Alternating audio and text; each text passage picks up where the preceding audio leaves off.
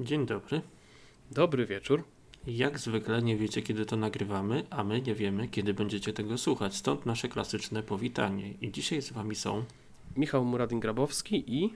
Adam Harpen-Berlik. I nawet bez laga. Nawet bez laga.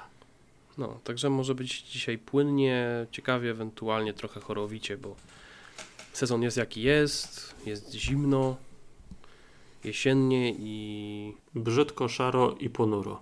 Tak, a jeszcze nie, na dodatek tutaj niedługo Halloween, więc będą biegać po domach, będą szukać cukierków, będą obsmarowywać czymś drzwi. Na szczęście mnie w domu na Halloween nie będzie. To znaczy, że będziemy miał niespodziankę pod drzwiami. Pod bramą może jakaś niespodzianka, jakaś dynia taka rozwalona o bramę. Może żeby to tylko dynia była. Zupa pomidorowa czy pire? Mm, może być, yy, nie wiem, coś innego. Ale tak czy inaczej, no taki trochę bardziej spooky sezon w tym momencie. No i kurczę, no działo się ostatnio, można powiedzieć, trochę. Jakby miał tak zacząć wymieniać, w co ostatnio grałem, ktoś powie, a bo zaczynasz gry kilka różnych podobnych do siebie, no ale z jednej strony taka praca prywatnie bym tak chyba nie robił. Trzeba być na bieżąco i wiedzieć, co się dzieje. To jest to, było- co, to jest to, co cały czas mówimy o tym, że a bo ty tylko w gry grasz w pracy. Weź się do jakiejś normalnej roboty, a nie. Jeszcze, jeszcze do mikrofonu gadam. No właśnie, że do mikrofonu gadasz, kurczę, ci za to, jeszcze ci za to płacą. To jest No dopiero jeszcze, skandal. jeszcze, jeszcze coś tam czasem napiszę. No. I gry jeszcze, jeszcze w gry gra. To jest coś, to jest nieprawdopodobne. Jeszcze No ale kontynuuj. może, jeszcze, kontynuuj. może jeszcze gry za darmo. Dobra, bo znowu tutaj mi się taki żart cały czas krąży o tym, że ta koperta jeszcze nie dotarła. Dobra, no. Koperta, koperty to w średniowieczu krążyły, teraz przelewy idą. Znaczy nie idą, ale Wszystkie przelewy za recenzji blikiem wysyłają. No ale tak, mniejsza większość. Yy, To co, co tam grałeś? Co ty tam robiłeś? Ja ostatnio zarywam noce przy Football Managerze. Do tego stopnia, że jak mi napisałeś dzisiaj, że musisz wziąć tabletki na gardło, to ja przeczytałem, że musisz wziąć tabelki. I nie wiedziałem przez moment o co ci chodzi. Tabelki na gardło to jest już naprawdę jakiś wyższy poziom. Ja, tylko mi tabelki w głowie. No tak, to najlepsze jest to, że Harpen teraz w ostatnim czasie na przykład yy, wysyła mi yy, jakieś screeny z Football Managera i ja się zastanawiam przez jakieś 2-3 minuty, O co tam? Dlatego ci zacząłem pisać czego ja mam na, tutaj szukać. na co masz patrzeć? Pisałem ci wczoraj. Tak, bo ostatnio też przy okazji, to tak jeszcze nawiązując, ostatnio coraz więcej gram w szachy i też miałem ten sam moment, tak patrzę sobie na to i myślę, co tu się dzieje i dlaczego mam ruszyć figurą, a nie przecież to jest piłka nożna. Także no tak, to jest, coś, coś w tym jest i ja przyznam się zupełnie szczerze i bez bicia, tak jak kiedyś grałem w F1 Managera i mniej więcej wiedziałem o co chodzi, bo to jest to wszystko jest takie dość proste do obsłużenia, tak patrzę na tego Football Managera i mówię, Jezus Maria, Ale to tylko jest takie wrażenie. Nie grałem w F1 Managera, ale podejrzewam, że to jest na podobnej zasadzie, że masz dużo tych opcji na ekranie, ale nie korzystasz ze wszystkiego naraz. No właśnie w F1 Managerze to jest o tyle zabawne, że kurczę jest to tak zrobione, że tak właściwie te wszystkie tabelki, nie tabelki, przesuwaczki, one są tak wszystko poukładane, że one nie sprawiają wrażenia, że szukasz, wiesz, czegoś w jakimś gąszczu tabelek. To jest wszystko tak przystosowane, ja mam wrażenie, że to jest tak dobrze przystosowane pod też konsolę, że właściwie nie idzie się tam pogubić. Okej, na początku tak, bo jest tego dużo, ale potem z czasem mam wrażenie, że tak jak na przykład kiedyś grałem Football Managera, o Jezu, dawno temu, to powiem Ci, że ja wtedy miałem problem. Jedyna gra menedżerska, która jakoś mi leżała i nawet w nią grałem długo, to jeżeli ktoś pamięta, to były bardzo dawne czasy. Była taka gra, nazywała się Liga Polska Menedżer. Ojejku, ale teraz odkopałeś. To był starość, nie? No Nie, żebym tu ktoś powie, że jestem jakimś boomerem czy coś, ale... Nie, właśnie ja pamiętam, Boomerem byś było... był, jakbyś powiedział, ja powiem, że najstarszy menedżer, który pamiętam i w który grałem, to był Insane Speedway 2. A coś, coś... Jakiś Speedway był, ale to była jak już, to nie był To już jest takie, E, wiesz, dla koneserów. dla znawców tematu, jak to mówią. Albo i tak. No ale tak czy inaczej, no to był chyba jedyny menedżer, w którego grałem bardzo długo i grało mi się na, w niego naprawdę dobrze. Natomiast Football Managera to, mimo że dodaję sobie na przykład Football Managera tam na Epiku czy coś, jak się pojawia, to koniec końców jednak jakoś mocno nie grałem w, w FMA jako takiego. I to wcale nie dlatego, że nie lubię gier jakichś tam menedżerskich, takich tajkunowatych, bo w takie to gram często i gęsto, jeżeli jest okazja. Ale powiem Ci, że jakoś Football Manager nigdy mnie tak nie przyciągnął na dłużej. No bo tak jak pisałem ostatnio w recenzji Construction Simulatora na gramie, Football Manager, Farming Simulator, SnowRunner nawet, przecież jakby podejść tak bardzo obiektywnie, bez uczuć do tych gier, bez swoich jakichś predyspozycji, to obiektywnie te gry są nudne. No bo tam się nic nie dzieje, w takim sensie wiesz, Football Manager to jest gra mocno na wyobraźnię też. To nie jest tak, że to nie FIFA, o, może w ten sposób, no bo w FIFA masz wszystko podane na tacy i kierujesz bezpośrednio tymi piłkarzami. Ale powiem ci, ale wiesz co, ale powiem ci jedną rzecz, o której teraz sobie tak pomyślałem, bo jeszcze na przykład nie wiem. Ja nie wiem od kiedy to jest, ty pewnie będziesz wiedział lepiej. Od kiedy tak naprawdę mamy możliwość w Football Managerze obserwowania meczy yy, w sensie w wersji live? W sensie takim, że w Championship Managerze nie pamiętam, która edycja, bo to było z 20 lat temu albo jakoś tak, ale nie było w ogóle przecież silnika meczowego. Po prostu. No właśnie o tym mówię, tak. Tak jak masz tak jak w Football Managerze już masz komentarz na dole, co się dzieje, plus jest ten obraz meczu. Akurat ja sobie gram, jeśli gram prywatnie, to gram sobie cały czas te kulki 2D, to pewnie widziałeś na screenach, co mhm. ci podsyłałem, ale jest taki pełnoprawny silnik meczowy 3D. Gra nie wygląda jak FIFA oczywiście, bo to jest bardzo uproszczone tam modele, grafiki i tak dalej, no ale jednak ten mecz jest pokazywany. No to jest tak samo, to jest ten sam case jak w przypadku F1 Managera, tak, gdzie właściwie jest ten silnik wyścigowy, on tam jest, wiesz, on tam się jakoś tam pojawia i wiesz, możesz obserwować ten wyścig w, w 3D, nawet z naprawdę dobrze odwzorowanymi modelami kierowców, chociaż ja uważam, że one są zrobione troszeczkę tak na odwal. Ale powiem Ci, że mimo wszystko tam to też oglądanie tego tak w trybie 3D jest takie dość trudne, ponieważ to, co się nam wydaje, na przykład, że nie wiem, kierowca tam próbuje go wyprzedzić, czy coś, że prawie już go wyprzedził, ja miałem wrażenie, że ten silnik troszeczkę nie wyrabia z akcją, która ma miejsce, wiesz? Mhm. Potem dochodziło do bardzo dziwnych kraks sytuacji, które nie powinny mieć miejsca normalnie. Potem możesz sobie, możesz sobie poustawiać, że oglądasz wszystkie kwalifikacje, cały weekend ogólnie w pełnym wymiarze, czy na przykład tylko kluczowe wydarzenia, czy tylko komentarz. Nie, nie, nie, możesz sobie normalnie cały wyścig obejrzeć. Ja powiem Ci, że jak grałem do recenzji F1 Managera, w ogóle polecam, recenzja jest na gramie, E, może trochę taka szorstka, no ja to już, ja jestem taki szorstki w ocenianiu gier niestety, ale tak, robię to trochę 6 na 10 polecam.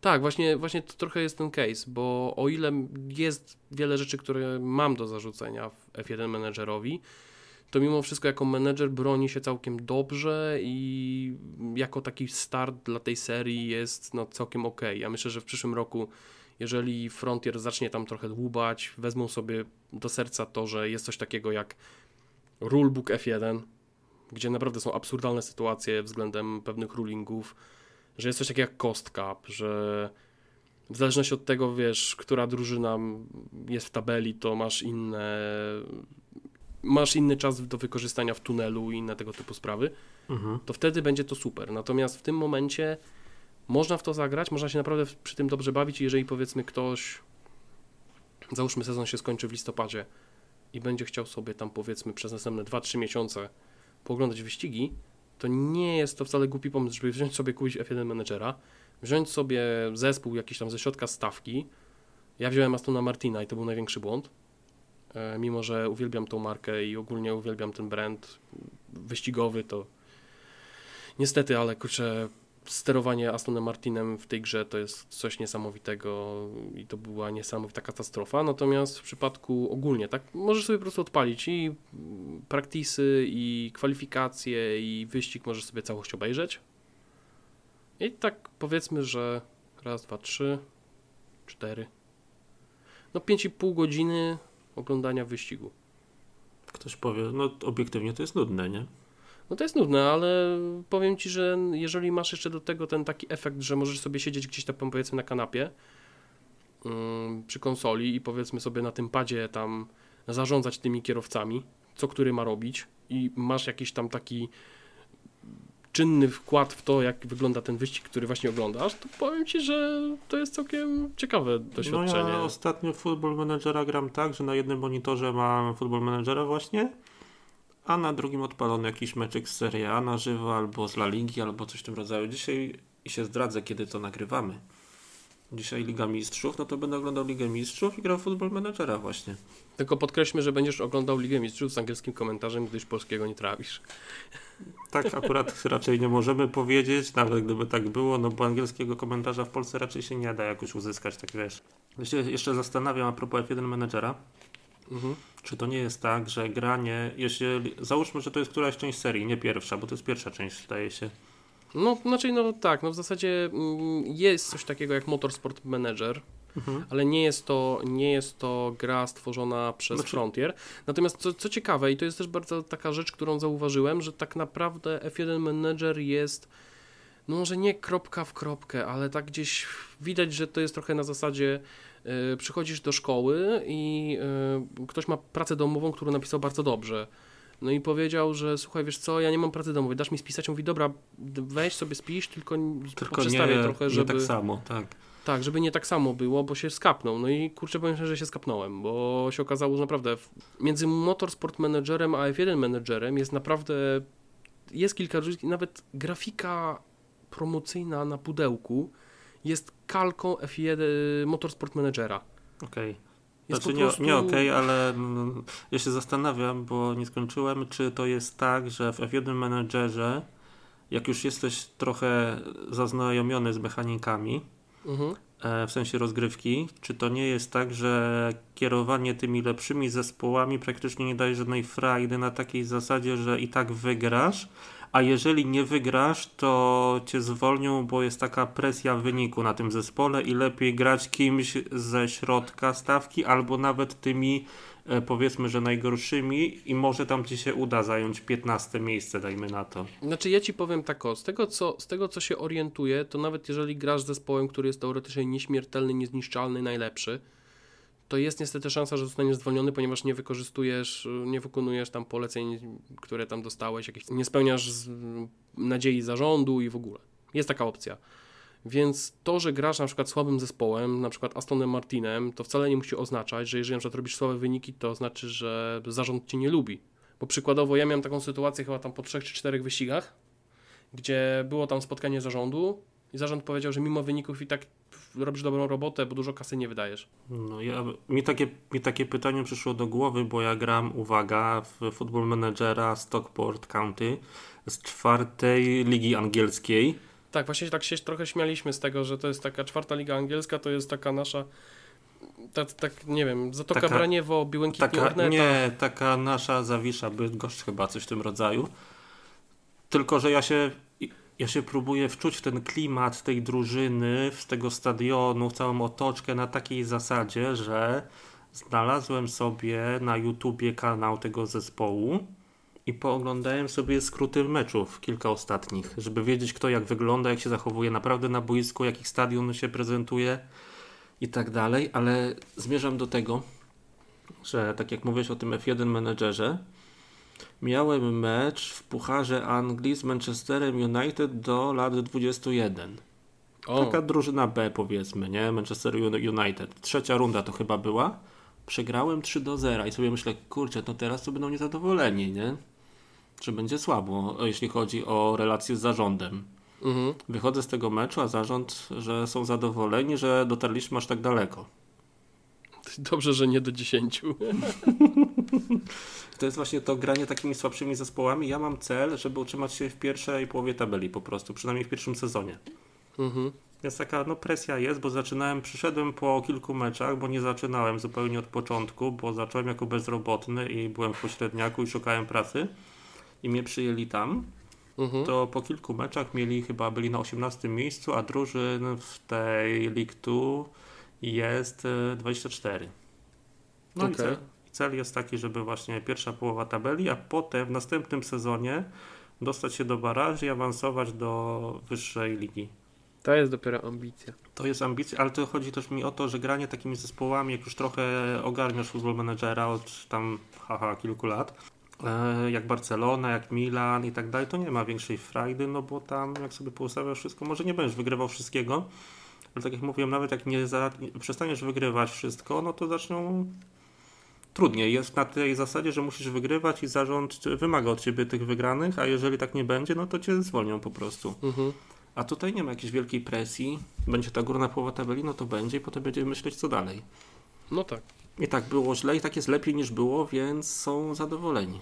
Taki Ted Lasso trochę się włącza. Trochę tak. Tak, więc ogólnie swoją drogą, jeżeli ktoś tam w FIFA nową gra, to można sobie Teda Lasso jako menedżera w, jako kartę A, ogarnąć. i, to a i owszem, jak najbardziej. Tak, i to jest jedyny powód, dla którego włączyłem FIFA 23 z triala, bo chciałem Teda Lasso mieć, także no, ale tak czy inaczej no w sumie to nie wiem co powiedzieć, bo chciałem powiedzieć, ty jak oceniasz Football Managera, nie wiem czy możesz mówić, ale to nie. Mówić trochę mogę, w sensie, tak wiesz, wstępnie. A, a, no tak. Właśnie to jest największy absurd, bo tak naprawdę Znaczy, bo to, jest, kiedyś. e, bo to jest wersja beta tak naprawdę. Tak, bo to jest wersja beta i z to jest której niby pisze się- early access. Z której pisze się recenzję co roku, Tak. a pełnoprawna gra, wersja 1.0 wychodzi, ma premierę 8 listopada. No. I to jest i to jest najlepsze, bo tak naprawdę właściwie potem gra wyjdzie i tych zmian takich kluczowych to pewnie będzie niewiele. No niewiele, bo Jeżeli- wszystkie jeżeli funkcje wcale. takie opracowane na potrzeby tej części są już dostępne, no bo musi recenzja być i oczywiście z tego napisana. No właśnie. Więc ogólnie rzecz biorąc, to jest, to jest taki ten mały, taki dziwny absurd y, sytuacji, że nie wygrasz w betę, niby masz ocenić bet na podstawie tego, na podstawie bety, a się potem okazuje, że to jednak jest pełna wersja w sumie. I... Tylko moim, no właśnie, moim zdaniem to, że tam jest dopisek w rogu, że to jest beta, to jest tak w razie czego na wszelki wypadek, jakby coś się zaczęło mocniej psuć, a zwykle nie pamiętam takiej sytuacji, żeby coś się wielkiego działo w FM-ie przed premierą, ale ktoś znajdzie jakieś kluczowe błędy czy jakieś niedociągnięcia, no to można zgłaszać. Jeszcze po premierze oczywiście też można. Mhm. Ale to jest bardziej coś na zasadzie taki bonus dla osób na PC, które złożą zamówienie przedpremierowe. Mhm. I jeśli w Że, przypadku... mogą zacząć, że mogą zacząć wcześniej, a potem przenieść swoje postępy do pełnej wersji. Tak, ona się aktualizuje i zwykle to było dwa tygodnie przed oficjalną premierą. Mhm. W zeszłym roku było 2,5 tygodnia i w tym roku podobnie. Okej. Bo beta była dostępna już w zeszły czwartek, 20 października. O, widzisz. Ja dostałem swoją w piątek. Wieczorem. No czyli tak wychodzi, mniej więcej. No, coś takiego. No, także tak, no Harpen tutaj się zagrywał w Football Managera, Ale nie tylko, żeby nie było, ale. ale nie to, tylko. Ale to teraz y, przejdźmy może, bo tak w ogóle zaczęliśmy od menedżerów, czego właściwie nie planowaliśmy za bardzo. Plan był taki, że zaczniemy od horrorów. Tak, właśnie to jest najlepsze, że zaczniemy od horrorów, dlatego że z jednej strony mamy aktualnie sezon taki w drodze do Halloween. Oczywiście Harpen nie otworzy drzwi, bo go nie będzie wtedy w domu, ale Chyba, że jakoś Eee. zdalnie sobie coś ogarnę, ale to tam. tak. No ale tak czy inaczej, tak czy inaczej, naj, najzabawniejsze jest to, że osoba, która najbardziej boi się horrorów, grała ostatnio w horrory. I to jest najciekawsze, że To nie, to się były, wszystko fajnie to nie łączy. mogły być jakieś straszne horrory w takim razie. No, albo, albo właśnie nie, ale to zaraz powiem dlaczego. E, Z jednej strony grałem wreszcie, bo pojawił się w PS Plusie mm, The Medium od Blobber Team. The Medium, jak to ktoś kiedyś The Medium. przeczytał. Tak, The Medium. Dobrze, że nie The Hard, bo byłoby, że The Twardy. Kurczę. Tak, tak nawiązując do jednego odcinka podcastu, w którym się trochę śmialiśmy z, Mm, z polonizacji w gridzie Legends. Tak, gdzie poziom trudności ten wysoki to był twardy. Tak, twardy. I nadal, I nadal to chyba tak wisi. Także wiecie, to już jakby ktoś. Ale The Medium. Yy, powiem tak.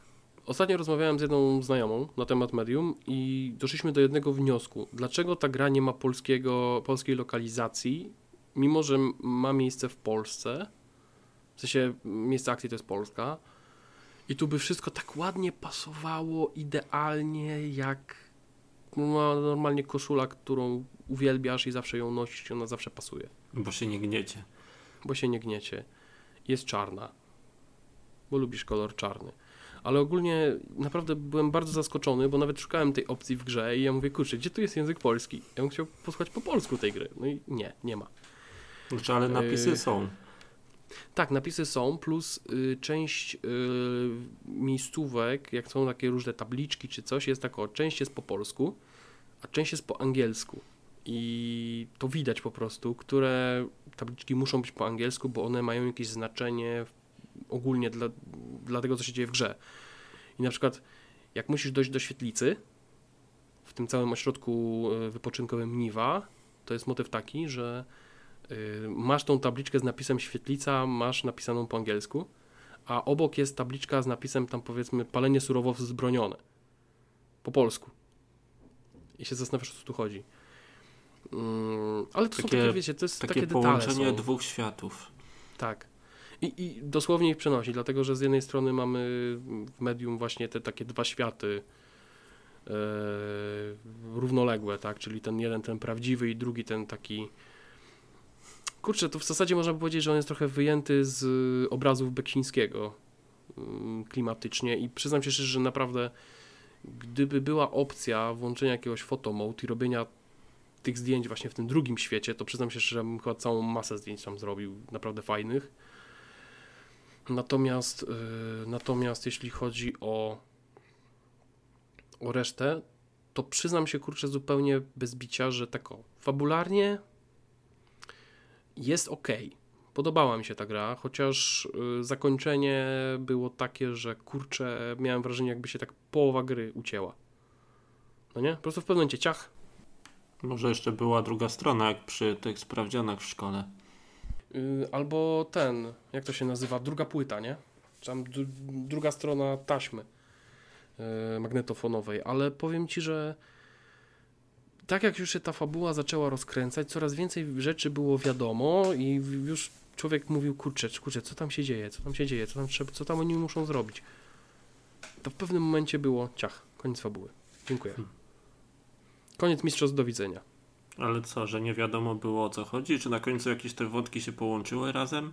To znaczy, wiesz co, bardziej chodzi o to, że się te pewne wątki łączą, wiesz, coraz więcej. Już nie zdradzając fabuły i spoilerowania, nie, nie, nie, po prostu... Bo ja też będę grał, jeszcze nie grałem. Tak, mniej więcej, mniej więcej dowiadujesz się o co chodzi i jaki był główny problem i yy, kto jest kim właściwie. Tylko w pewnym momencie jest coś na zasadzie ja znam rozwiązanie najlepsze rozwiązanie tej sytuacji. Jest koniec. A w ten sposób, taki motyw. Tak. To, to jest taki cliffhanger, taki troszeczkę zrobiony, zrobiony bez mydła, nie? Że urywane jest i kurczę, chciałbyś zobaczyć Medium 2. To jest trochę na takiej zasadzie jak w kryminałach. E, czytasz trzy czwarte książki albo oglądasz serial. Mhm. Próbujesz patrzeć, czy czytać te postacie jakoś tak, wiesz, bardziej szczegółowo i odgadnąć, kto zabił Mhm. Ale nagle autor miał taki pomysł i po trzech czwartych z podziemi wyrasta zupełnie nowa postać nagle. Mhm. I ona jest takim kluczem do rozwiązania tej zagadki i wtedy czujesz się taki oszukany, że i tak nie miałeś prawa tego zgadnąć. No tutaj, no tutaj w The Medium tego nie ma, ale jest, jest taka zasada troszeczkę, jeżeli ktoś oglądał Twin Peaks, to jest taka scena w Twin Peaks, gdzie e, Cooper jest w pokoju i on tam się, nie pamiętam czy on tam się szykuje, żeby wyjść z pokoju, czy coś w tym stylu, bo ktoś tam zapukał do niego mhm. i pojawia się magiczny pistolet, który do niego strzela i tyle w temacie. I nie wiadomo kto do niego strzelał, nie wiadomo o co chodzi, on po prostu leży w pokoju. Mhm. Postrzelony. I to jest trochę na, trochę na podobnej zasadzie taki cliffhanger, naprawdę zrobiony bardzo prosto. Ok, on jest efektywny, dlatego że chcę wiedzieć, co się dzieje dalej, ale przyznam się zupełnie bez bicia, że początek The Medium mnie może nie tyle co wynudził, co naprawdę był, no był trudny taki do, przerby, do przebrnięcia, bo jak im więcej zaczęło się dziać, im więcej było cutscenek, im więcej było ciekawych historii, które tam się pojawiały w międzyczasie, to to było ok. Tak może być, że druga połowa gry była naprawdę super. A pierwsza połowa, czyli takie docieranie do tego momentu, w którym zaczynasz się dowiadywać coraz więcej, to było tak naprawdę chodzenie, to był taki symulator chodzenia, taki typowy. Y, to trochę tak na zasadzie podobnej, jak na przykład jest w Resident Evil w ostatnich częściach, że na początku chodzisz, szukasz dziury w całym, a potem zaczynasz, znajdujesz jedną rzecz. I potem zaczynasz wszystko sklejać. Ta jedna rzecz zmieniła wszystko w fabule. Zobacz zdjęcia. Tak, zobacz zdjęcia. Ale ogólnie rzecz biorąc, yy, po prostu jest taki jeden element układanki, który po prostu już zaczyna powoli wszystkie te yy, elementy domina po prostu spychać jeden do drugiego. Mhm. No i tak czy inaczej, yy, sytuacja, sytuacja jest taka, że e, no mówię, no podobało mi się, nie wiem, nie wiem jaką ocenę bym wystawił. Na pewno jedna rzecz, która mnie wkurzała najbardziej, to było sterowanie, bo jednak nie jestem fanem tego typu prezentowania gameplayu w grach, tym bardziej w horrorach, czyli takiego bardziej przygotow, przygodówkowego, takiego trochę ala Silent Hill. Do którego zresztą też zaraz dojdziemy. No tak. I dodatkowo graficznie, ja nie wiem dlaczego, miałem wrażenie, że The Medium było. E, jakbym grał na PS5, to jakbym było w 30 FPS-ach. Nie wiem, czy mi się to dobrze wydawało, czy źle mi się wydawało, ale tak czy inaczej trochę tak strasznie nierówno to wszystko wyglądało. Czy to jeżeli chodzi o grafikę, czy to chodzi właśnie o płynność klatek, animacji w ogóle. E, Ale widoki, ale jeżeli chodzi o widoki, jakieś tam wiesz, klimatyczne miejsca, to tutaj naprawdę trzeba przyznać, że z jednej strony jest właśnie ten klimat czasów przeszłych, PRL-owskich i tak dalej, czy w zasadzie post-PRL, PRL-owskich. E, A z drugiej strony mamy to, że jest właśnie ten świat taki duchów, zjaw, upiorów, który jest właśnie inspirowany malarstwem Beksińskiego i to jest też fajne. E, Trzeba się trochę przyzwyczaić do tego, że wiesz, że jest w jednym momencie grasz w dwie perspektywy. No ja kojarzę screeny, to chyba tak było Tak. pionowo podzielone.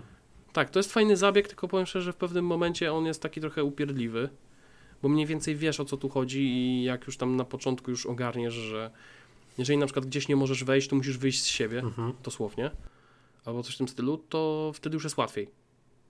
Natomiast w pewnym momencie najzwyczajniej w świecie tu już te wszystkie zagadki i te wszystkie problemy są no, zdecydowanie łatwiejsze. Starcia z przeciwnikami, a dokładnie w zasadzie z jednym przeciwnikiem, też były dość upierdliwe.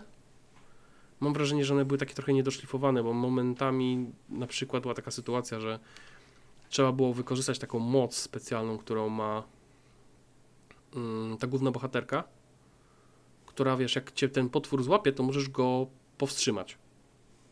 Że on tam znika. Mhm. I w zależności od tego, jakie masz szczęście, on się potrafił albo z, pojawić za tobą, albo przed tobą. I jak się pojawił przed tobą w drodze do drzwi, no to już po zawodach. Natomiast jeżeli się pojawił za tobą, to jeszcze była szansa, że uciekłeś.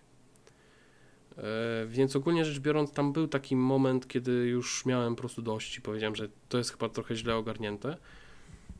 Natomiast ogólnie rzecz biorąc, jeżeli chodzi o całą resztę, no, no podobało mi się. To nie była jakaś gra ultra wybitna, ale podobała mi się na tyle, żeby powiedzieć, że w sumie to fajnie, że w nią zagrałem. Całość mi zajęła jakieś 5 godzin. To Takie szybkie przejście. Dość krótko, dość mało, bo ja sobie patrzyłem na How Long to Beat, właśnie na The Medium, to tam było napisane, że taki średni czas przejścia to 8 godzin. Więc może, może faktycznie nie włożyłeś drugiej płyty. Nie, wiesz co, ja mam wrażenie, że tam po prostu wszystko zależy od tego, ile czasu spędzisz tak naprawdę na rozwiązywaniu niektórych zagadek. No, ja w pewnym tak. momencie miałem, miałem taką sytuację, że właściwie większość zagadek logicznie dało się rozwiązać bardzo szybko. Mhm. Tak naprawdę jedna była dość trudna do rozwikłania, ale to była taka standardowa sytuacja typu przelej w jedno, w drugie, a potem przejdź, wróć i tak dalej. No nie takie, taka typowa zagadka tego typu. Natomiast ogólnie rzecz biorąc, cała reszta tam były takie fragmenty troszeczkę korytarzowe właściwie, że, właś, że tak naprawdę je przebiegałeś, żeby pozna, podać ten, poznać dalej fabułę. Także tak właściwie te 5 godzin, no, no dobra, no jeżeli ktoś by grał tak kompletnie e, na surowo, no to faktycznie może te 8 godzin by spędził w grze. Natomiast no ja byłem sam zaskoczony, że to mi wyszło gdzieś takie właśnie 5-6 godzin max e, w całości. Więc ten, ale mimo wszystko warto, jeżeli ktoś ma PS Plus, a ja nie wiem, czy nadal jest w Game Passie. Z tego co kojarzę to jest, ale mogę jeszcze na szybko tutaj sprawdzić. Powinno być. No chyba powinno być. No tak czy inaczej, jeżeli macie okazję, to zagrajcie. Zawsze, zawsze to jest y, sposób na poznanie, no jakby to nie mówić, twórców y, A nie ma już remake'u. Nie ma już, A już nie, ma. już w Game Passie. Przynajmniej na, pe- nie przynajmniej ma. na PC-cie. No widzisz. To ciekawe w sumie. Mm, Pewnie w Game Passie się licencja skończyła i przeszło do PS Plusa. No tak czy inaczej, jeżeli macie okazję zagrać w The Medium, to zagrajcie. Mm, Tym bardziej, że jest to sposób, aby poznać. I to jest właśnie taka trochę ciekawa historia, bo dużo mówiło się o tym. Było bardzo dużo przecieków. E, Było dużo różnych plotek na temat tego, że właśnie Blobber Team robi remake'a Silent Hill 2. I z jednej strony wszyscy zaskoczeni, a z drugiej, a nie mówiłem, albo coś w tym stylu, bo ogólnie trzeba zacząć od jednej bardzo ważnej rzeczy. Przez wiele, wiele lat, właściwie od premiery Silent Hill Downpour, Konami tak naprawdę markę Silent Hill zarzuciło totalnie. Tak jak wiele innych. Zresztą kto pamięta e, to, że tak naprawdę coraz więcej gier wychodziło na pacinko, że tak naprawdę Konami dużo mówiło o tym, że odchodzi od segmentu tworzenia dużych tytułów właśnie na korzyść gier mobilnych i To pacinko. taką bo to ostatnią jest- dużą grą od Konami chyba był Metal Gear Solid 5. Tak by można chyba Albo- powiedzieć. Znaczy dobra, nie liczmy Pro Evolution Soccer, Nie, nie, nie, nie liczmy sportówki wydawanej co roku. A to mi jeszcze Tak, no to- przypomniało, s- jak się ta sytuacja zaczęła w ogóle, że Konami odchodzi od takich tytułów i ktoś ich logo przerobił, zamiast Konami było Konamy. I to tak idealnie oddawało to, co Po, trochę albo się... pokonani. Tak, albo pokonani. Trochę to, co się dzieje z firmą. No tak, ale w tym momencie troszeczkę Konami yy, zaczęło, jakby to powiedzieć, wracać na, yy, na ten szlak właśnie wytyczony przez gry komputerowe, bo, bo wcześniej też zapowiedzieli chociażby te remake'i yy, Suikodena. Tak naprawdę to będą takie remake remastery, już to zresztą mają się chyba pojawić w przyszłym roku, jeżeli dobrze pamiętam. Natomiast y, no, Silent Hill, no, można powiedzieć, że dostał i to całkiem sporo. Był w momencie, kiedy pojawiły się newsy na temat Silent Hilla. Ja się wtedy śmiałem, że tego dnia tak naprawdę chyba na gramie wrzuciłem całą masę newsów o tej grze i wszystkich rzeczach, które będą tworzone w międzyczasie. Gram w SilentHilla.pl. Tak, gram silenthilla.pl albo oglądam, bo to też, też tam coś będzie do oglądania. Tak, Natomiast ogólnie rzecz biorąc troszeczkę tak Konami jakby zrobiło to samo, co swego, swego czasu zrobiło Ryugo, Ryuga Gotoku Studios z Yakuzami. Po prostu wyszli panowie z Japonii i powiedzieli, słuchajcie, my wiemy czego chcecie. I po prostu zaczęli sypać z rękawa fajnymi rzeczami. Tak, naj, I tak samo właśnie jest w przypadku Silent Hilla. Najciekawsze jest to, że jak ten Suikoden dostanie te remake remastery i pojawiły się newsy o Silent Hillu, to jeśli mnie pamięć nie myli, to taką największą plotką było to, która się ostatecznie potwierdziła, że będzie Silent Hill 2 od Bluebera w formie remake'u, ale na szczęście nie jest tak, że powrót marki oznacza tylko to, że będą odświeżone, znaczy ta właściwie jedna część będzie odświeżona, ale powstaje też kilka innych. Nowych zupełnie. No właśnie, i to jest tak, i to jest, i to jest naprawdę chyba największe zaskoczenie, bo ja myślę, że wszyscy spodziewali się tak naprawdę jednej, może dwóch gier. Coś na zasadzie Max. remake plus może, nie wiem, jakaś niestety gra na mobilki. Tak wiesz, żeby sprawdzić Tak, zainteresowanie marką. Ja powiem szczerze, najlepszy, najlepszy tekst, który pojawiał się w międzyczasie cały czas, bo rozmawiałem z wieloma osobami, to jest to, że każdy mówił, e, to pewnie na pacinko się coś pojawi. Nic bardziej mylnego, bo się okazało, że tak o. I teraz lecimy sobie po kolei. Teraz będzie wszystkie- wyliczanka. Tak, będzie wyliczanka. Pierwsza rzecz to jest Silent Hill 2 od Blobera, o którym już mówiliśmy, czyli ogólnie pojawił się pierwszy pełen zwiastun. Będzie to gra, która wyjdzie na PS5 i na PC. Yy, Po roku ma się pojawić na innych platformach, czyli prawdopodobnie po roku od premiery yy, pojawi się na Xboxach, ale ogólnie rzecz biorąc, yy, tak jak to zostało zapowiedziane, że tak naprawdę remake Silent Hilla tak naprawdę powstaje od 2019 roku. Konami wyciąga hajs na ten remake i tak jak wszyscy się boją tego, że to, to jest chyba najlepszy tekst, który słyszałem w ostatnim czasie, że a co będzie, jeżeli Silent Hill 2 będzie bardziej słowiański? Znaczy, ale że co, że Wiedźmin wyjdzie z, z krzaków? Będzie ten, będziesz szedł z zawinklem, będzie paczkomat. Z Farożyc wyjdzie! Światowid będzie stał zamiast Pyramid Head, Tak. gdzieś będzie świecił na czarno. I będzie się akcja działa w Polsce w ogóle. Przyjeżdżasz do, przyjeżdżasz do, zamiast napisane Silent Kill napisane Świebodzin. O Boże. No tak czy inaczej, ogólnie yy, no tutaj Blobber Team zapewnia, że to będzie gra w 100% yy, no spójna właśnie z tym, co było w grze i że no zdają sobie sprawę z tego, że no muszą sza- szanować oryginał, który powstał wiele lat temu.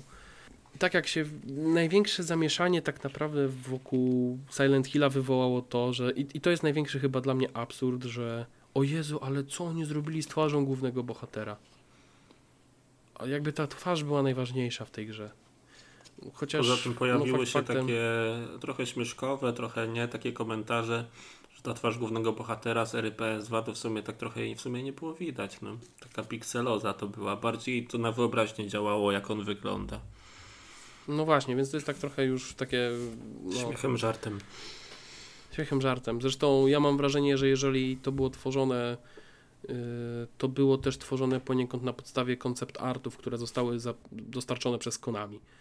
Więc strzelam, że tak mogło być, bo jeżeli Konami bardzo ściśle współpracuje z bloberami w tym temacie, to ja myślę, że tutaj na 100% po prostu było pełne wsparcie dla wszystkiego, co, co oni robią w tym temacie i że to Japończycy po prostu klepią znak jakości.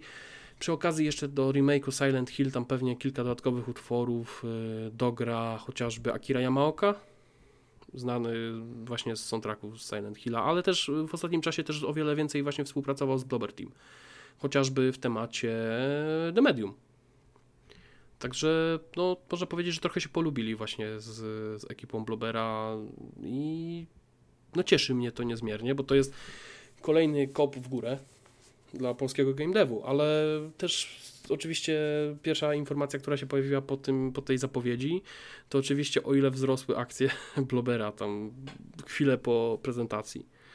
Także Jeszcze bardzo fajne i dobre dla tego remake'u jest to, że on powstaje tak, nie wiem jak to od kuchni wygląda, ale patrząc na to, że tworzą go od 2019 roku, to można założyć, że ten proces produkcji jest bardzo spokojnie przebiega. Premiera jest planowana przecież na 2023, nawet nie wiemy dokładnie na który kwartał. Więc to takie ale, 4 ale, dzisiaj, lata. ale dzisiaj już się pojawiły, tak już jak to nagrywamy, dzisiaj się pojawiły jakieś takie informacje na temat tego, że yy, prawdopodobnie remake Silent Hilla jest właściwie w tej yy, ostatniej fazie produkcji. Czyli, że w sumie tak jakby dali sobie niecały rok na poprawki, usuwanie błędów i tak dalej. Tak, i ten ogólnie ten cały, cały remake jest tworzony na silniku Unreal Engine 5. Także Może na, no, może na że już wiosnę powoli wyjdzie, może latem jakoś. tak, tak, tak, tak, powoli nowa jakość w grach komputerowych Znowu, wchodzi znowu. znowu. Tak, ale to tak jak już mówiliśmy, to nie, są, to nie jest jedyny projekt, który jest w temacie Silent Hill. I najlepsze w tym wszystkim jest to, że w przypadku tych projektów kolejnych w temacie Silent Hill, to jest raczej coś na zasadzie nie, że ta gra pojawi się zaraz, ale to były trochę na zasadzie projekty w stylu słuchajcie, pracujemy nad tym, yy, trzymajcie kciuki, bo to może być fajny projekt. No i teraz zaczynamy od tego, co chyba najbardziej wszystkich zaskoczyło i ja przyznam się, że, że chyba jestem najbardziej zajarany tym projektem. To jest y, spin-off Silent Hill F, codename Silent Hill, czyli Cicha Górka Taka góreczka. F. Cicha Górka F. Y, I to ma być spin-off y, umiejscowiony w Japonii z lat 60. No to już powiem Ci, że tak, no intrygująco powiedzmy. No trochę mi się, trochę mi się to kojarzy z, z, z, z, z, z tam chyba było coś takiego, ale jeżeli nie było, to, to, to, to, to może coś sobie dopowiadam. Yy, Coś na zasadzie prequelu serii Ring. Jak ogólnie doszło do tego, że ta dziewczynka z Wyszła z telewizora. ze studni, wyszła, wyszła ze studni. Czy jak się, jak się tam do tej, tej studni trafiła w ogóle. No tak czy inaczej, ogólnie rzecz biorąc, yy, no zwiastun był naprawdę klimatyczny. Oczywiście tutaj małe zastrzeżenie, jeżeli ktoś choruje na, na tą tak zwaną tyfofobię, czyli to właśnie takie obrzydzenie ze względu tam na różne otwory, to nie oglądajcie, bo można dostać. A, resz- a reszta niech nie ogląda przy jedzeniu lepiej. No, Chociaż... chociaż, kogoś to tam rusza. chociaż naprawdę jest bardzo ładny, estetyczny ten zwiastun i bardzo klimatyczny, a co najlepsze, historię do tego spin-offu tworzy i tutaj, żebym się nie pomylił, pisarz taki y, Ryukishi 07, który może być kojarzony z serii Higurashi. Jeżeli ktoś nie kojarzy serii Hiru- Hirugashi, y, czyli Higurashi, to ja przyznam się tak, nie oglądałem, ale słyszałem o tym. Ale znam kogoś, kto oglądał. Tak, znam takiego jednego mojego kolegę, który, który oglądał i jak mi opowiadał, co to jest za chore G, to doszedłem do wniosku, że chyba nie chcę tego oglądać, ale tak jak sobie pomyślę, że jest przy Japonia z lat 60., mamy naprawdę dość znanego i no, uznanego przez y, czytelników pisarza, właśnie różnych nowelek, to kurczę, jestem, ja, ja wsiadam do tego wagonika. Ja nawet będę chciał to zrecenzować, mimo że pewnie potem spać po nocach nie będę. Bo naprawdę to może być coś bardzo ciekawego. Jak ktoś się, to być bardzo ciekawy jak projekt. ktoś się zastanawia, jak reagujesz na niektóre horrory, jak chociażby DLC nowe do Resident Evil Village, to niech zajrzy na twojego Twittera. Yy, to zaraz będziemy jeszcze o tym opowiadać. Tak ja wiem, ale To jest, myśl, tak, przy okazji, przy okazji na przykład wszedłem, wszedłem tylko i wyłącznie na newsa o Silent Hillu i oczywiście co mi Cookies podpowiada? E, reklamy horrorów. Jakbym tego oczekiwał od życia. No ale nie, nieważne. No tak czy inaczej to jest, y, to jest właśnie Silent Hill F. Można, powiedzieć, że tak, to może być taka nazwa kodowa troszeczkę. Eee, no ale tak czy inaczej, jak to się mówi, you had my curiosity, now you have my attention. Bardzo prosta historia. Trzeci projekt Silent Hill. E, tylko teraz od którego zaczniemy? Dobra, kontynuujemy temat growy, bo to jest w sumie najważniejsze. Będzie kolejny Silent Hill. jeszcze jeden. Zaskoczenie.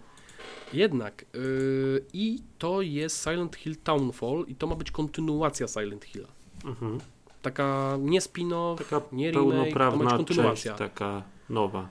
Tak, to ma być nowa część, która jest tworzona przez yy, Annapurna Interactive. Yy, I jeszcze yy, Stories Untold tu widzę. Znaczy yy, No Code się nazywają, tak? Od Observation i Stories Untold. No. Także ogólnie rzecz biorąc, no to też może być ciekawe i to się nazywa właśnie Silent Hill yy, Townfall i to ma być coś na zasadzie antologii. Pierwsza rzecz, która mi się kojarzy z tematem antologii to jest The Dark Pictures. Tak, The Dark Pictures. I ja mam wrażenie, że to może być po prostu coś takiego, że dostaniemy kilka mniejszych tytułów, które będą po prostu fabularnie jakoś spięte ze sobą i mogą to być po prostu jakieś historie właśnie z tego, z tego świata dodatkowe, czy, czy nawet, że po prostu wszystkich będą, będzie łączyć to, że są w Silent Hill. Tak? Że to będzie Takie trochę, trochę z tym związane. Opowiastki z Silent Hill właśnie. No właśnie, tak. Tutaj, tutaj jeszcze mm, trudno jest właściwie powiedzieć coś więcej na temat, na temat tej gry.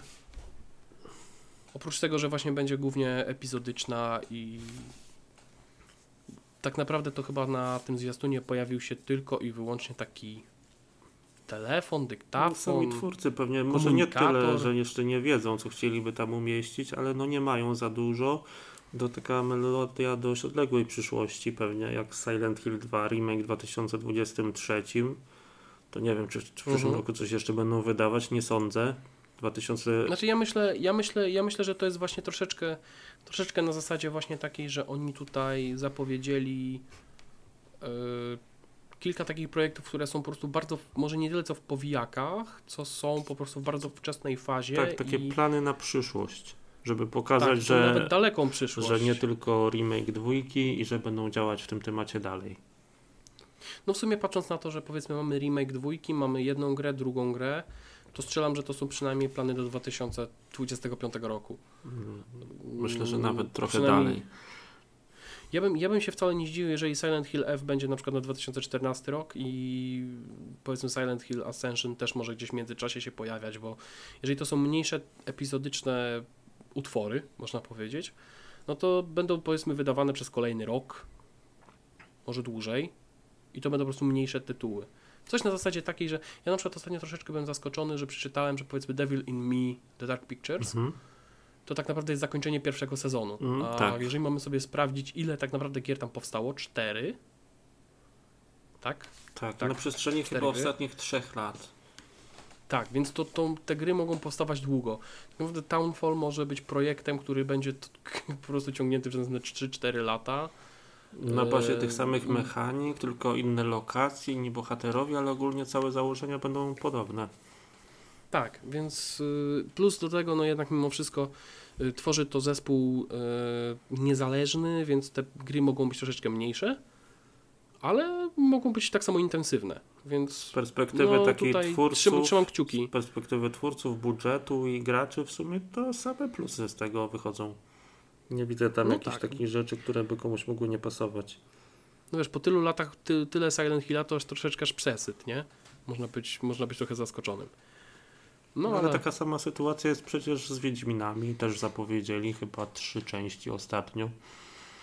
no tak, a przy, Ubisoft też- No i plus jeszcze Cyberpunk. Tak, Ubisoft zapowiedział przecież chyba z Całą tonę tonę asasynów. asas- miliard asasynów, taki też plan na najbliższą dekadę. Ja mam wrażenie, wiesz co, ja mam wrażenie, że troszeczkę przynajmniej niektórzy wydawcy y, w przypadku niektórych takich dużych marek i nie wiem, czy w tym szaleństwie to też nie jest metoda, y, właśnie chyba zaczynają trochę podłapywać styl prezentacji gier, który właściwie ma Disney czy Marvel, tak? Mhm. Po prostu prezentują swoje plany na odległą przyszłość w perspektywie tam powiedzmy 4 lat, 5 i wiesz, w przypadku takich dużych franczyz właśnie jak Assassin's Creed, Silent Hill, Resident Evil na przykład by tu pasował, tak? Yy, Yakuza czy cokolwiek, wiesz, to ma dużo sensu. Po prostu wiesz, dostajesz całą masę różnych gier, jesteś fanem tego typu marki, no i powiedzmy w ciągu 5-6 lat wiesz mniej więcej, że powstanie z 5 gier z, te, z tej serii i że wiesz na co czekasz. Nie zrobisz tego z FIFA, nie zrobisz No nie, z tego nie, z nie. Need for Speedem czy innymi. Ale From Ale z Software, mogło, From. Software mogłoby też coś takiego zrobić. Mm, Wiesz co, powiem Ci, że ja bym na przykład bardzo chętnie to zobaczył, e, chociaż y, wiem, że ktoś by mógł mnie po głowie zbić za to. Y, Bethesda mogłaby to zrobić. Mm, też. Na przykład z El- Elder Scrolls, tak? Czy z Falloutem. E, Na przykład, nie wiem, zapowiedzieć, e, nie wiem, remaster, remake dwójki e, Fallouta, czy New Vegas odświeżone, kolejną wiem, kolejną ostatnio- edycję Skyrima, kolejną edycję Skyrima. który ostatnio doczekał ale- się ale pojawiły nowej się części tak plotki. naprawdę. Znaczy nowej części, tfu, nowej wersji, drugiej wersji na Switcha się doczekał. Pojawiły się jakieś, pojawiły się jakieś też jeszcze plotki o tym, że któryś Fallout ma być, nie Fallout, Fallout, tak, czwórka na Next Gen. tak, fakt, Fallout 4 na Next Gen, jakby ktoś potrzebował Fallouta 4 na Next Genach w tym momencie. Ale Jak ma Fallouta 76. Fallout y, 4 na Next Geny, ale jako darmowa aktualizacja. To jest duży plus. Tak. Ja przyznam się, że ja przyz... naprawdę cieszę się z tego, że w tym przypadku i nie, nie tak jak w przypadku Skyrima po prostu dadzą darmową aktualizację. Bo, bo to, co się dzieje w przypadku Skyrima, to jest już trochę przegięcie. No ale to już pomijmy ten temat, bo to już jest długie, szerokie, głębokie. No dobrze.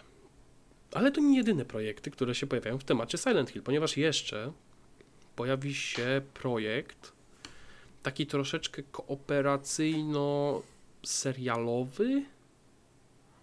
Trudno powiedzieć tak naprawdę, co to jest. Yy, Silent Hill Ascension.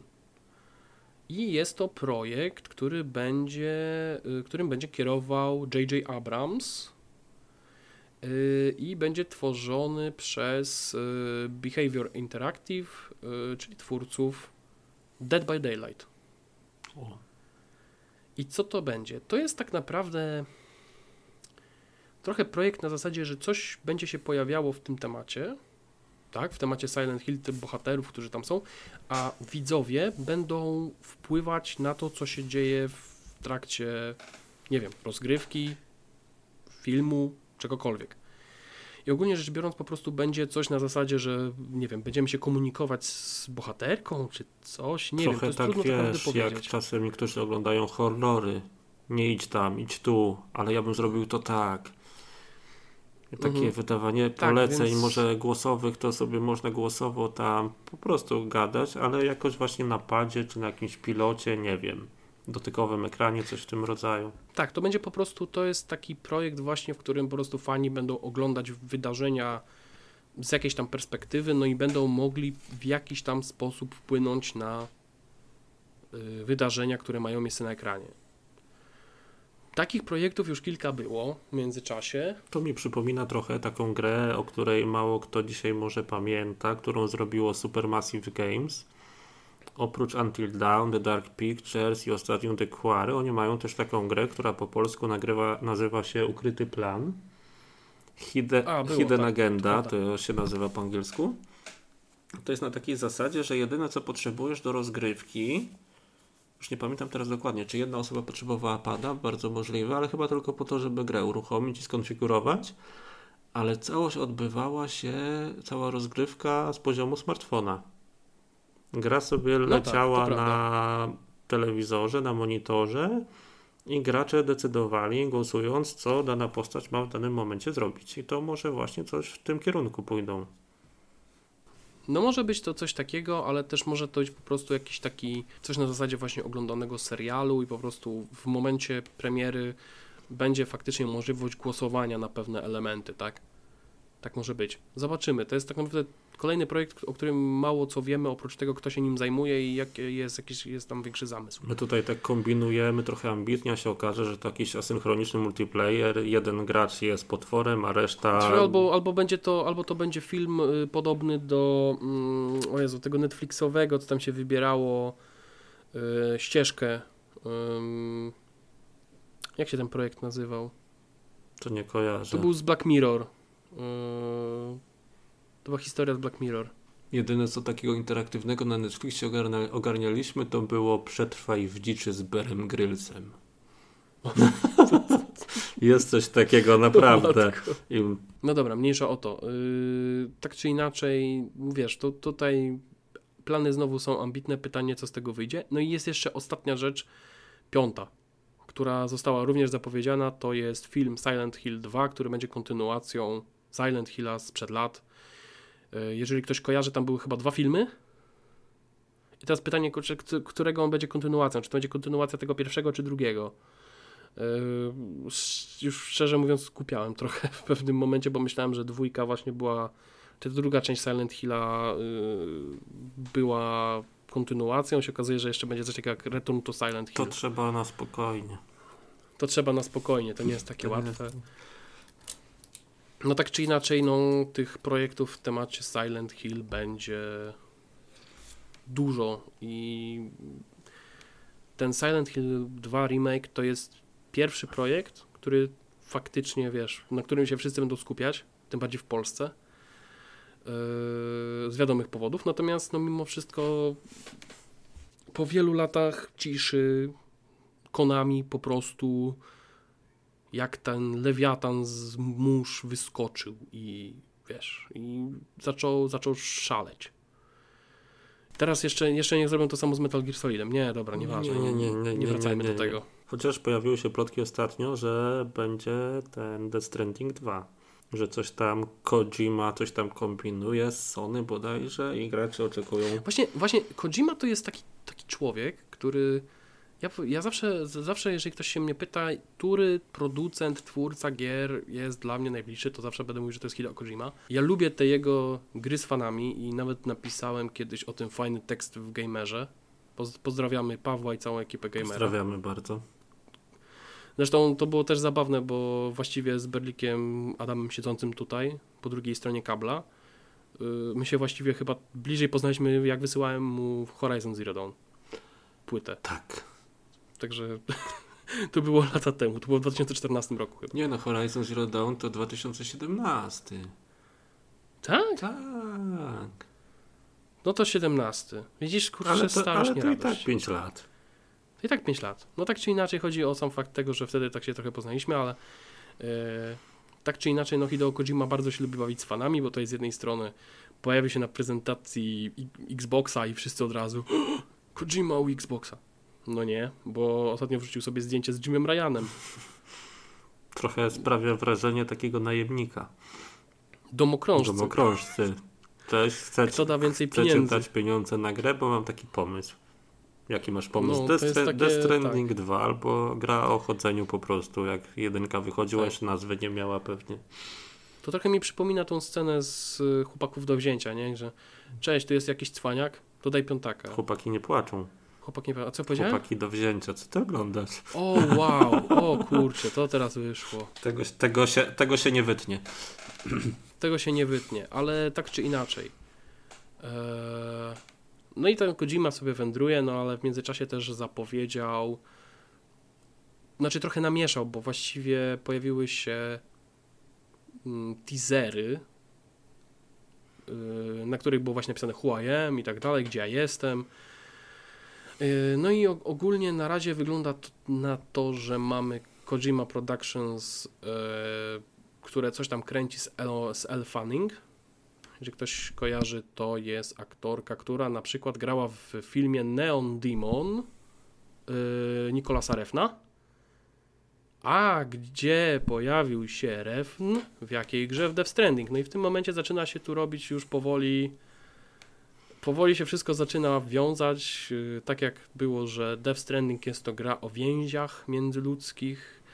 No to tutaj się wszystko zaczyna sklejać do kupy, bo no powiedzmy sobie wprost, jeżeli na The Game Awards w tym roku u Geoffa Nileya Kojima nie zapowie Death Stranding 2, to będę zaskoczony. Tylko wiesz, Po prostu będę Kojima może zrobić tak jak ostatnio, wielkie jakieś tam zapowiedzi, banery, ogłoszenia i tak Zapowie dalej. podcast. A potem Kojima wychodzi, no mój podcast znajdziecie na Spotify od tam, nie wiem, 8 września, czy kiedy to było. No, pogadaliśmy z Elfanning, nie, w podcaście. To, Ale to też to, słyszałem chyba, podobno tylko, od to chyba znajomego. tylko Kojima może tak. Tak, ogólnie też, też słyszałem od znajomego, y, który też jest wielkim fanem Kojimy. Tam przeczytałem na Twitterze, że podobno ten podcast Kojimy jest zupełnie innym stanem świadomości. Do, do słuchania tego podcastu trzeba się przygotować. Nie to co do naszego, który jest Łatwy, żartobliwy, łatwy do zrozumienia, łatwy. tak. prosty. No i czasami prowadzący są tacy, jacy są. Ale pomyśl, Ale tak ile, czy inaczej- jak mało dygresji takich e, w tym odcinku. No to Kojima tam lata i to zdrowo podobno. W temacie siedzi, ale lata lewo-prawo. Aha. Myślałem, Także no, przez, Gorzej niż my. przez moment myślałem, że tylko my tak schodzimy z tematu, wiesz, w ogóle zaczynamy o menadżerach, potem przechodzimy na horrory, żeby nagle pogadać o grach z akcją osadzoną w Polsce. Nie wiem, na co za chwilę zejdziemy. Tak, Death Stranding będzie osadzony w Polsce, ja już to widzę. Jak były te przeróbki, Mapa nie? I Polska. ten bohater Death Stranding idzie, a tam ma ten glowo zamiast tego plecaka swojego. Będzie DLC, będzie DLC z Polską jak do Eurotracka. Tak. No, Przez, przez ale tak czy polską inaczej, wieś no Death. Stranding 2... Znaczy dla mnie Death Stranding 2 to jest właściwie no-brainer tak zwany. Właściwie okej, może być coś takiego i to też, też sobie tak zdaję sobie z tego sprawę, że tak może być. Że Hideo Kojima zapowie z jednej strony Death Stranding 2, które będzie powiedzmy XM na PlayStation i PC, a z drugiej strony zapowie horror, który będzie dla Xboxa i on będzie w stylu PT. Nie jest to niemożliwe. To nie jest niemożliwe, bo ja myślę, że to nawet jest bardzo możliwe i ja nie zdziwię się, jeżeli Kojima to zrobi. Bo zrobi coś takiego, że będzie leciał na dwa, na dwa fronty i jeszcze dwa fronty będzie miał na PC. No. To jest, to jest do zrobienia. Ja, ja myślę, że Kojima jest madmanem, on to zrobi. E, natomiast i wtedy oni się wymienią tymi grami, jak będzie dwa, 12 miesięcy po premierze, tak to to się wymienią. Death Stranding pójdzie na Xboxa, ten horror pójdzie na PlayStation. I wszyscy będą zadowoleni, a Kojima dwa razy zgarnął pieniądze, Tak. nie? A pieniążki, z- a pieniążki zabrał, nie? Z góry. Także, I z dołu, po, Z z góry, dołu tak. potem pewnie też, ale więc ja się nie zdziwię, jak tak będzie. To jest, to, to jest, to jest stuprocentowy Kojima w Kojimie, nie? To jest, e, no, e, Certified Hood Classic. No tak czy inaczej, e, no tutaj Hideo Kojima, Death Stranding, ale jeszcze tak wracając do horrorów, to grałem w dodatek do Resident Evil, który się nazywa Shadow of Rose. już możesz o nim I- mówić? Już możesz, bo recenzja Tak, jest mogę już o nim mówić, bo wczoraj tak, wczoraj spadło embargo, grałem od piątku chyba gdzieś mniej więcej, czy tam kilka dni, ale tak samo DLC jest bardzo krótkie. bo ono tam trwa gdzieś maksymalnie 3-4 godziny, tam Capcom mówi, że 4 godziny. E, Ja przeszedłem w 2 godziny 30 i to głównie dlatego, że znałem lokację i to całkiem dobrze, bo gdybym tak wszedł z marszu, to prawdopodobnie bym miał trudne czasy. Natomiast jak sobie zagrałem piątek, to tak. Postaram się bez spoilerów, No najlepiej, bo ja też planuję. bo chociaż to jest bardzo trudne mm, i najbardziej mi to uświadomiło to, że y, zazwyczaj jak dostajemy grę do recenzji, tam są notki od wydawcy. I w notkach od wydawcy, dokładnie od producentów, było to, żeby pewnych rzeczy nie umieszczać ani w screenach, ani w tekście. No właśnie, żeby tych niespodzianek nie. No po prostu nie wylać Nie z tekstem, Mhm. bo. Tak, bo mimo wszystko jednak wiele osób jest bardzo, bardzo, bardzo. Wyczulonych na wszelakie spoilery. Tak, i to nawet w przypadku rezydenta też u mnie wyszło, bo dla niektórych na przykład to, co było w trailerach, czyli Chris Redfield przychodzi, zabiera dziecko i nara, to dla niektórych to już był spoiler. No to już jest taka przez... Mimo, że to jest pierwsze trochę. Dwie minuty, Tak. Dwie minuty gry, nie? Więc. No ale okej. Jestem w stanie to zrozumieć. No tak czy inaczej, Shadow of Rose to jest jakieś 16 lat po wydarzeniach z Village, czyli można powiedzieć, że też tutaj, żeby spoilerów nie robić, bo to jest właśnie najgorsze, że tutaj też niektórzy, którzy nie grali w Silent Hill Village mogą wiedzieć, co to jest za spoiler. Nie, Resident Evil Village. A co powiedziałem? Silent Hill Village. Ja cię! Ale ładnie dzisiaj. Ale dzisiaj dobrze idzie mieszanie. Zaraz będzie yy, ten, Metal Gear Stranding. Coś, coś takiego. I chłopaki do wzięcia byli też. tak. No. No ale tak czy inaczej, no ale tak czy inaczej yy, 16 lat, no tutaj jest pewien tajemniczy K, który ma pomóc Rose w tym, aby utraciła swoje moce. Ponieważ Rose ma problem. Problem taki, że też kiedyś została skażona właśnie tym e, kurczę, tym takim jak nie wiem jak to nazwać, no ale po prostu jest, jest to taki yy, to się po angielsku mold nazywa. Pleśń? Coś w tym stylu. To, co było w siódemce na tych bagnach. Mhm. Również została tym skażona, no bo jakby nie patrzeć genetycznie, to przeszło z Itana i poniekąd z Mii na nią i no ona nie chce tych mocy. Ona ma ich dość. Nie chodzi tylko o to, że dłonie i ogólnie na skórze ma takie dziwne, białe żyłki, które wyglądają trochę jak pokrzywka, tylko to, że po prostu czuje się jakby była jakimś dziwolągiem. No i ten Kai mówi, dobra, słuchaj, jest taki ten sposób. I przy- przyjeżdżają do pewnego laboratorium, tam jest taki słój z jakimś czymś różowym, nie wiadomo co to jest. I ona tego słoja dotyka, no i w pewnym momencie po prostu, jakby to powiedzieć, zatraca się w swojej świadomości. I te wszystkie miejsca, w których będziemy w Silent Hill Shadows of Rose, to są Co tak masz z naprawdę troszeczkę Silent, Co ty przerobione. masz tym Silent Hillem? Albo sprawdzasz, Znowu Silent albo Hill? sprawdzasz, czy cię słucham. Do, właśnie może to jest to. Może to jest to. Ale widzisz, to jest, ten, to, jest, to jest to, że mi się cały czas myli. Albo, a już wiem dlaczego, bo może tutaj wyświetlone Silent Hill, dobra. No tak czy inaczej, yy, wszystkie te miejscówki, które widzieliśmy w Village, yy, tak naprawdę to są troszeczkę przerobione miejscówki teraz w Shadows of Rose. Niby pojawiają się bohaterowie, którzy się pojawiali w Village, ale to są inni bohaterowie, mają inne motywacje. Czyli można powiedzieć, że to wszystko dzieje się w głowie Rose, i ona musi się w, z pewnymi problemami sama roz, roz, rozprawić. I to jest w zasadzie naj, najciekawsze w tym wszystkim, że teoretycznie jest sama, ale nie do końca.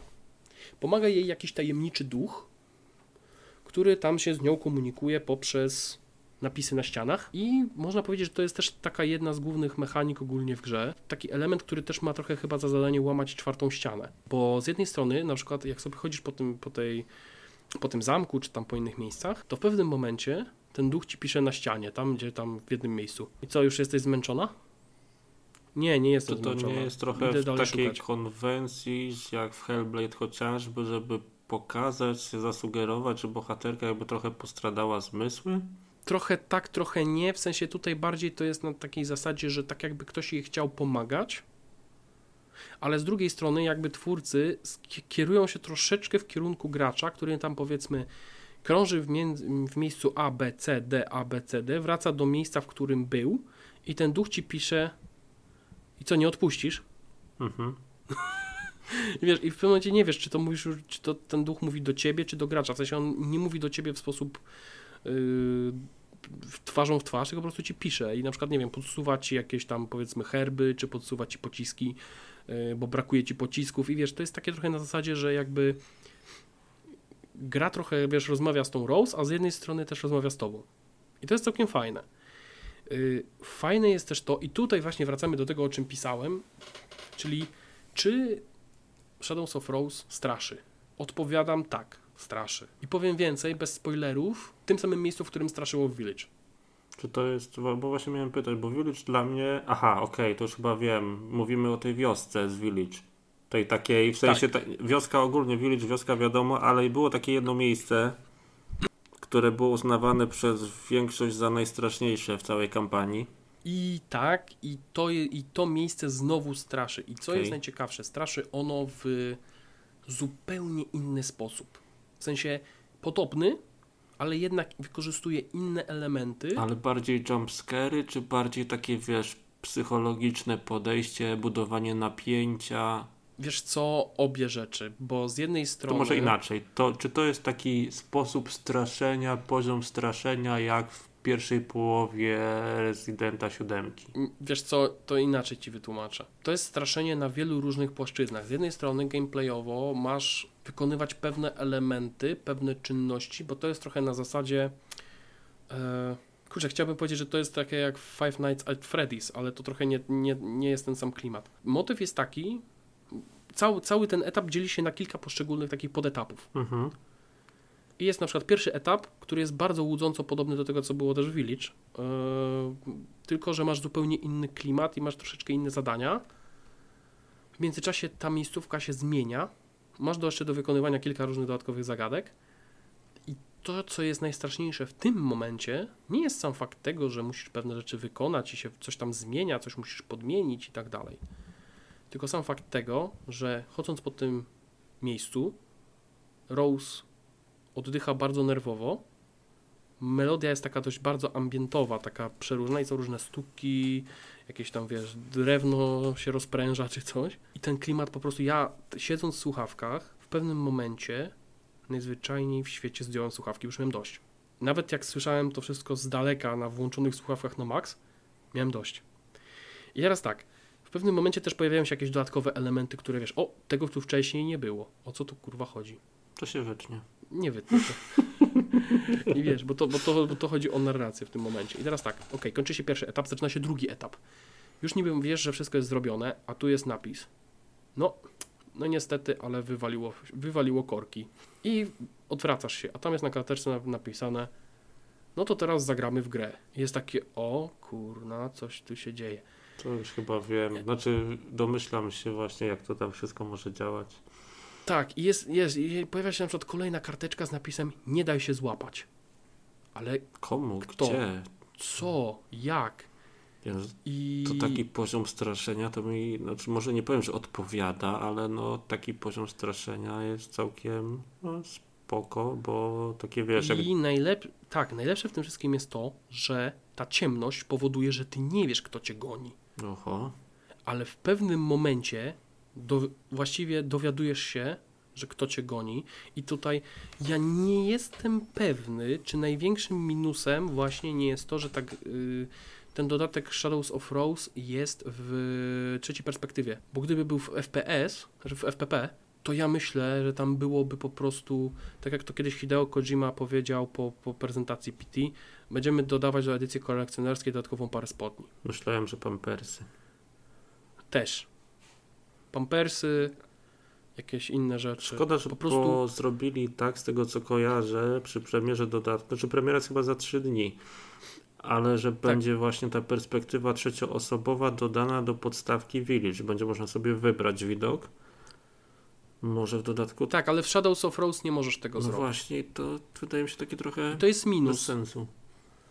To jest minus, tym bardziej, że mówię, w tym momencie bardzo, ale to bardzo Yy, powiem tak, gdyby to było, można byłoby zagrać w pierwszej, w pierwszej osobie, to myślę, że pewnych sztuczek nie można byłoby wykonać. Mhm.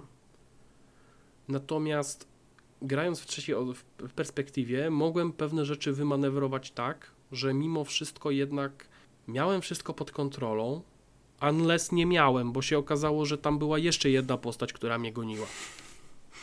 Jezu. Ja nie wiem, czy ja chcę w to grać. I najgorsze jest to, że układ pomieszczeń w tym, w tym, w tym całym miejscu jest tak dziwnie skonstruowany, że musisz naprawdę przemyśleć swoją ścieżkę, żeby się nie dać złapać. Tylko najgorsze jest tym wszystkim to, że się pojawia wtedy jeszcze jedna postać. I też zupełnie z niespodziewanie, bo ty nawet się jej nie spodziewasz, że one tam mogą być. To jest właśnie ten sam, to jest właśnie ten efekt, który udało się po prostu Capcomowi jakoś uzyskać. Ja też zapomniałem o tym, że Capcom wraz z Resident Evil 7 i 8 troszeczkę nauczył się na nowo straszyć. To nie jest to, co było wcześniej w Residentach, że powiedzmy Leon Kennedy chodzi z pistoletem i strzela do zombiaków. Tylko Capcom nauczył się budować klimat, budować konkretne czynności. Nawet jeżeli to jest coś, co ja na przykład uważam, że to jest klasyka horroru komputerowego. To jest rzecz, która zawsze straszy w grach komputerowych, jeżeli się pojawia. I, za, I nawet jest taki jeden kultowy tekst jednego youtubera, który uwielbiam i nawet krzyczałem jak grałem w to. Ale to się nie nadaje do cytowania chyba. Nie, nie nadaje się. No to nie, nadaje się, nie ma tam przekleństw. Natomiast chodzi o, o sam fakt tego, że są takie pewne rzeczy, tak jak żarty, są zawsze śmieszne, tak? Tak jak nie wiem, ktoś tam powiedzmy, coś tam powie i jest that's what she said. No to jest ten sam, to jest zawsze śmieszy. Natomiast yy, tutaj jest to samo. Takie elementy, takie wykorzystanie pewnych przedmiotów sprawia, że po prostu zawsze to jest jakiś rodzaj strachu. To jest tak samo jakby na przykład w tym w pewnym momencie w, w Resident Evil Village, w tym fragmencie, co zresztą mogłoby pasować i mnie to najbardziej przeraża, mogliby wstawić klauna. Mhm. I że tam cię klaun goni. To też byś walił w gacie, bo naprawdę to jest, to jest taka klasyka horroru, No tak, która jest Są takie rzeczy, które zawsze, zawsze się sprawdzą. Tak. I potem po, potem po tym drugim etapie jest jeszcze trzeci etap, który jest troszeczkę może yy, jest taki troszeczkę bardziej lightowy bym powiedział, ale mimo wszystko to nadal jest podobny klimat. I znowu wracamy do tego, o czym rozmawialiśmy. To jest znowu ta sama miejscówka, która znowu zaczyna straszyć w bardzo podobny sposób, ale inny i spowodowała, że ja po prostu, tak jak yy, w Rezydenty lubię grać, to ja po prostu mówiłem, nie, pierdzielę to. Idę do domu. A jestem w domu. To nie, to ja wychodzę z domu. Bo po prostu to było tak intensywne przeżycie, że naprawdę mi się podobało. Jedyny minus jest tego taki, że w... potem, już po tym fragmencie, już tak naprawdę wiesz, że to już idzie wszystko w którym kierunku i że właściwie to zaraz będzie koniec. I trochę szkoda, że mimo wszystko y, ten dodatek nie wykorzystał wszystkich miejscówek z Village. Bo mógł. Tam byłoby jeszcze miejsce na kilka miejscówek, kiel, kilka fragmentów i tak dalej, żeby ten gameplay troszeczkę rozciągnąć. Nie jestem pewny, czy po prostu Capcom nie do końca chyba był na to przygotowany. Co nie zmienia faktu, że za ile? 89 zł chyba? To DLC bym nawet kupił. Bo przyznam się szczerze, że tak jakbym powiedzmy sobie zagrał, dodatkowo dostaję te mm, dodatkowe misje w trybie Mercenaries i do tego dostaję jeszcze Czy ten tryb, Eee, ten, ten tryb- z trzeciej osoby tryb, do tak. Village właśnie to jest element patcha, który będzie za darmo, czy to jest część płatnego DLC? Właśnie powiem Ci, że w pewnym momencie zacząłem już wątpić, że to chyba jest właśnie element płatnego DLC. Co jest troszeczkę słabe, bo moim zdaniem po prostu to powinno się pojawić. Powinno się pojawić na aktualizacji, która będzie na premierę DLC. Ale, ale mimo wszystko, wiesz co, powiem Ci zupełnie szczerze, że jeżeli bym miał kupić powiedzmy za 89 zł ten dodatek, e, albo kupić sobie wersję Gold Resident Evil Village, która chyba teraz kosztuje 220 zł, to mimo wszystko nadal będę uważał, że tych pieniędzy jest warta ta gra, bo naprawdę to jest bardzo dobry horror, który trzyma wysoki poziom. Ok, może nie przebija siódemki, bo siódemka była naprawdę mocna. Natomiast yy, no Village jest po prostu nadal, nadal bardzo dobry. Ja myślę, że ja sobie nawet przemyślę to, żeby sobie rozegrać Village w trybie No, ja trzecioosobowym też jeszcze o tym raz. myślę i zastanawiam się jeszcze, czy jest jakiś argument, żeby przejść sobie DLC na przykład dwukrotnie. Mm, Nie widzę. Okej. Totalnie, chyba że poziom trudności, bo nie ma tam możliwości zrobienia czegoś inaczej. Mhm. No właśnie o to mi chodzi. Nie ma tam raczej możliwości nowego zakończenia, no może spróbować sobie jakiś tam run zrobić bez hitów czy coś. Nie, ale no aż takim hardcorem to dodatek- nie jestem. No właśnie, a jedna rzecz tutaj, która, którą zauważyłem w temacie trzecioosobowej wersji e, Village, to jest fakt, że bo tam nawet cutscenki pojawiają się w wersji trzecioosobowej, niektóre. O, I ogólnie rzecz biorąc, też w dodatku się pojawiają głównie cutscenki e, w trzecioosobowym tym. No i tam, jak się pojawiają jakieś tam retrospekcje czy inne tego typu cuda, to nadal ja się zastanawiam, czy Capcom to robi świadomie, czy po prostu już, jak to się mówią, embracing the meme, że z uporem maniaka nie pokazują twarzy Itana Wintersa. Robią to tak pięknie, że kompletnie nie widać tej twarzy. I naprawdę to jest coś niesamowitego, że po tak długim czasie, nawet jak powiedzmy grasz i powiedzmy cię jakiś potwór złapie w Village w trybie trzecioosobowym, to on cię łapie i tak, tak manewrują tą kamerą, że ty Chyba nie tak widzisz tej jakoś twarzy było właśnie, czy w siódemce, czy w Village, już nie pamiętam teraz, ale że a to ma kaptur, a to jakieś ujęcie kamery takie, że no Tak, albo widać tylko usta. tak, no, no nie da się zobaczyć. Dokładnie, więc to jest, to jest po prostu chyba złapanie po prostu mema, nie? Że, że to pasuje. No tak czy inaczej, ogólnie rzecz biorąc, yy, Shadows of Rose ja tam oceniłem na siódemkę i myślę, że to jest ocena sprawiedliwa, bo okej, były fragmenty, były momenty, było straszno, ale koniec końców było krótko. Gdyby ten dodatek był powiedzmy jakieś 6 godzin, to ja myślę, że byłbym skłonny dać nawet i 9. Natomiast yy, bo wtedy miałbym taką świadomość, że pewnie by też wykorzystali i tą wioseczkę tego Morrow, tego, tego tą zatopioną. Mhm. Jezu, pa- Albo ojej, wykorzystali pamiętam jak tego- tam się zacząłem na dłuższy czas, to Tak, albo to laboratorium Heisenberga, tego, tego co tam, tam robił, te mutanty. Wiesz, to, to bym widział, że to, to było wykorzystane, tak? Natomiast tam końcówka to już była taka, że miałem wrażenie, że już tą. Znalazłem ulicę, znalazłem dom, znalazłem dziewczynę, co kocham ją. No, trochę tak to wyglądało i. No to, to, to, to tak naprawdę było widać, że chyba na tą końcówkę zbytnio nie mieli pomysłu, oprócz tego, że wkleili tam kilka dodatkowych potworów. Natomiast pierwsze dwie lokacje były naprawdę super. Eee, No i ogólnie jako zawiązanie pewnej historii Wintersów również powiedzmy, że jest to zamknięcie, ale nadal uważam, że od tego miejsca jest dużo różnych elementów, które można zrobić jeszcze w przy- w przyszłości z serią Resident Evil i dlatego ja się nie zdziwię, jeżeli Capcom zrobi to samo, co zrobiło Konami. że Czyli po prostu- zacznie zapowiadać hurtowo rezydenty, remake'i i kolejne części. No właściwie to już to zrobili trochę poniekąd, Trochę ponieważ tam jak tak. zrobili na przykład ten broadcast, no to zapowiedzieli właściwie Resident Evil 4, yy, Mhm. dodatek do, do Village, no i jeszcze to, że Reverse wreszcie wejdzie. Swoją drogą miałem okazję zagrać właśnie w tą wczesną wersję Reverse Mhm. i kiedyś je- jest taka piosenka Johnnego Cash'a, Hurt, nie? Tam się to wszystko zaczyna od I hurt myself today. To I- idealnie oddaje twoje wrażenia. Tak, t- naprawdę to nie było to nie było dobre To nie było nic przyjemnego. To nie było nic przyjemnego, tak.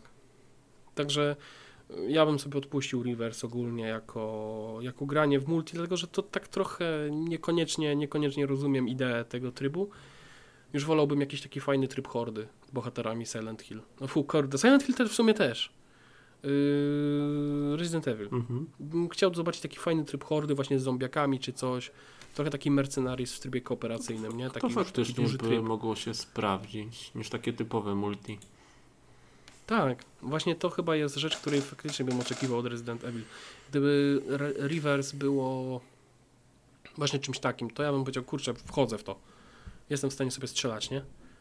Natomiast, kurczę, jak zagrałem w to, to w tej, far w tej formie, w której oni to prezentują, to jakoś nie do końca jednak mnie to kupiło.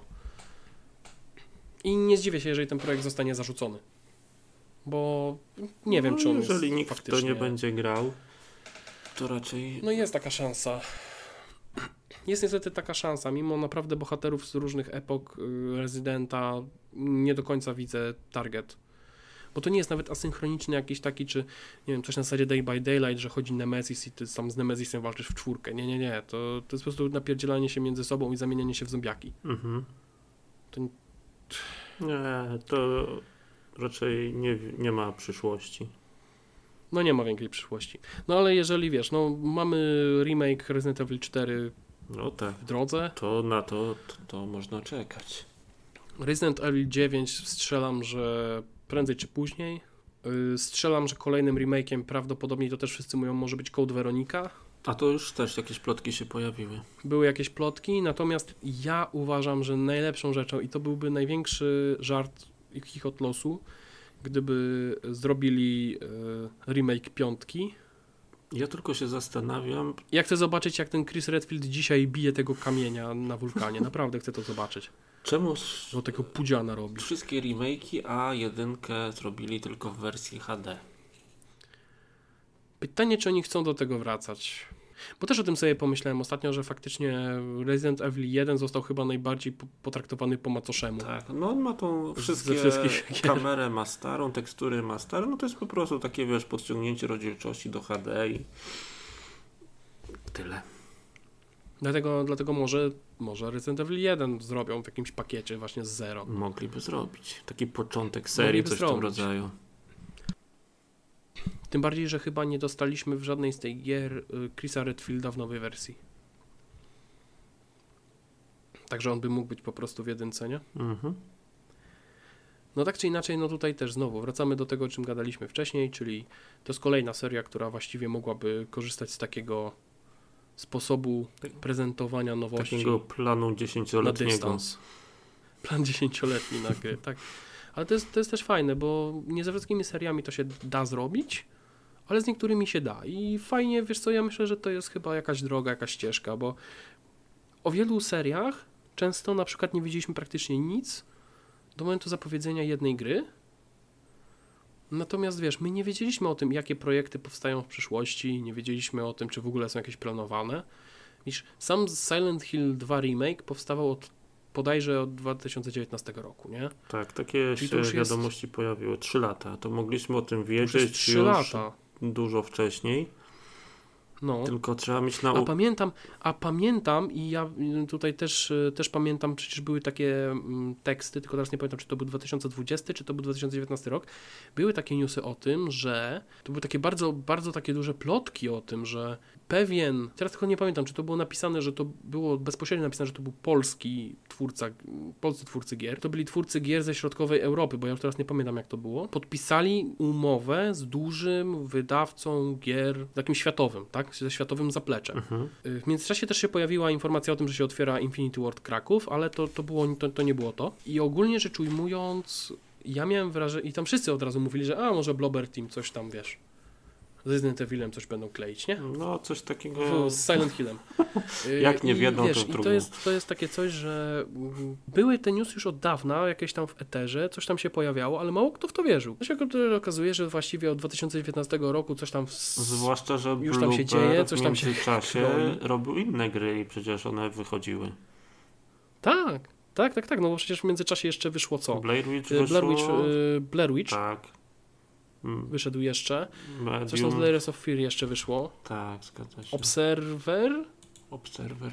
No. No, Więc tak by było. Tam, tam w międzyczasie jeszcze się działo. No tak czy inaczej, no tak czy Ładnie inaczej, to jest właśnie to, że teraz jak sobie tak człowiek skleja wszystkie rzeczy do kupy i zaczyna łączyć kropki, to dochodzi do wniosku, że o pewnych rzeczach to już wiedział od dawna, tylko nie do końca w to wierzył, albo nie było tak jasno powiedziane, że to jest to. Mhm. No ale cóż. Czasami plotki się potwierdzają, a czasami kompletnie nie. I teraz na przykład zacząłem się tak już kończąc, zacząłem się zastanawiać nad tym. Pamiętasz, rozmawialiśmy o tym gościu, który tam dużo NDA-ek w, wyciekł Tak, przez Twittera. tak, było. I teraz się zacząłem zastanawiać, czy on czasem właśnie. Czy on nie jest od tego tej plotki na temat, jak się potem okazało, dealu Bluebera z Konami? Wiesz co, bo on tam dużo mówił o Silent Hillach i o tym, jakie są plany na Silent Hilla, nie? Mhm. I on potem powiedział, nie wiem czy czasem nie ratując swojej skóry, że to wszystko jest kłamstwo, że on to sfabrykował. A teraz jak sobie tak spojrzysz na te wszystkie projekty, które zostały zaprezentowane, to się wszystko skleja idealnie do kupy. No może próbował się ratować, A może miał taki, wiesz, taki dar przewidywania. Jak tak, to niech jeszcze numery Totka poda, wyniki meczów i dat- No i będziemy mieć pieniądze na te swoje Astony Martiny tak. i wieżowce Polsatu. przede wszystkim na gry, bo te ceny ostatnio to tak jak Tak. mówiliśmy w poprzednim odcinku, no delikatnie rzecz ujmując trochę wzrosły.